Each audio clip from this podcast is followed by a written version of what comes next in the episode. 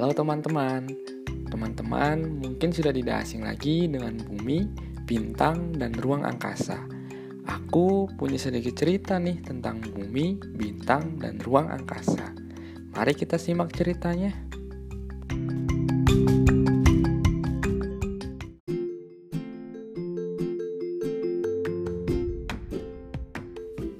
Bumi.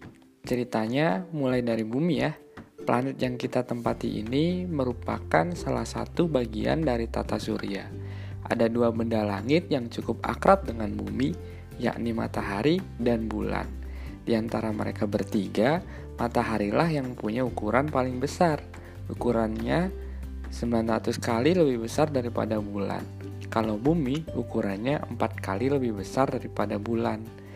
Meski memiliki ukuran yang besar, matahari tetap terlihat kecil karena jarak antara matahari dengan bumi adalah 150 juta kilometer.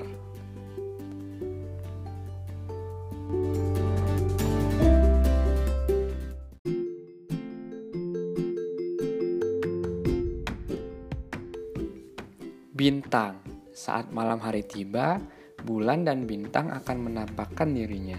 Seperti kita tahu, Bulan bisa bersinar karena ada cahaya dari matahari. Lalu, bagaimana dengan bintang? Apakah bintang bersinar karena matahari juga? Ternyata, bintang memiliki cahayanya sendiri. Jadi, bintang bersinar tanpa bantuan matahari. Oh iya, bicara soal bintang, aku baru ingat kalau matahari juga sebuah bintang. Jika dibandingkan dengan bintang lainnya, matahari memiliki jarak paling dekat dengan bumi.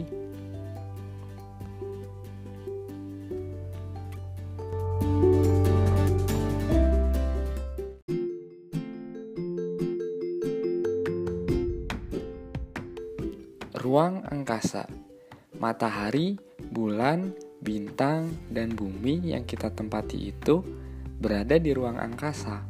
Jika ruang angkasa bisa menampung matahari, bulan, bintang, dan bumi, kira-kira seberapa besar ya ruang angkasa itu? Ada yang tahu?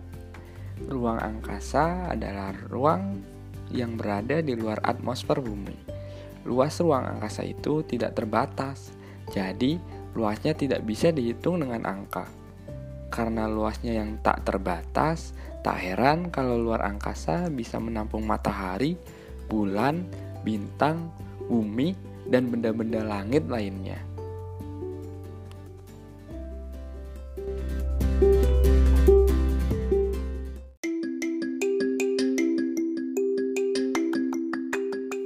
Nah, teman-teman, itulah cerita tentang bumi, bintang, dan ruang angkasa.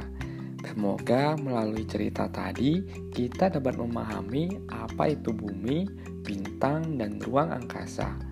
Tetap semangat belajar ya, teman-teman.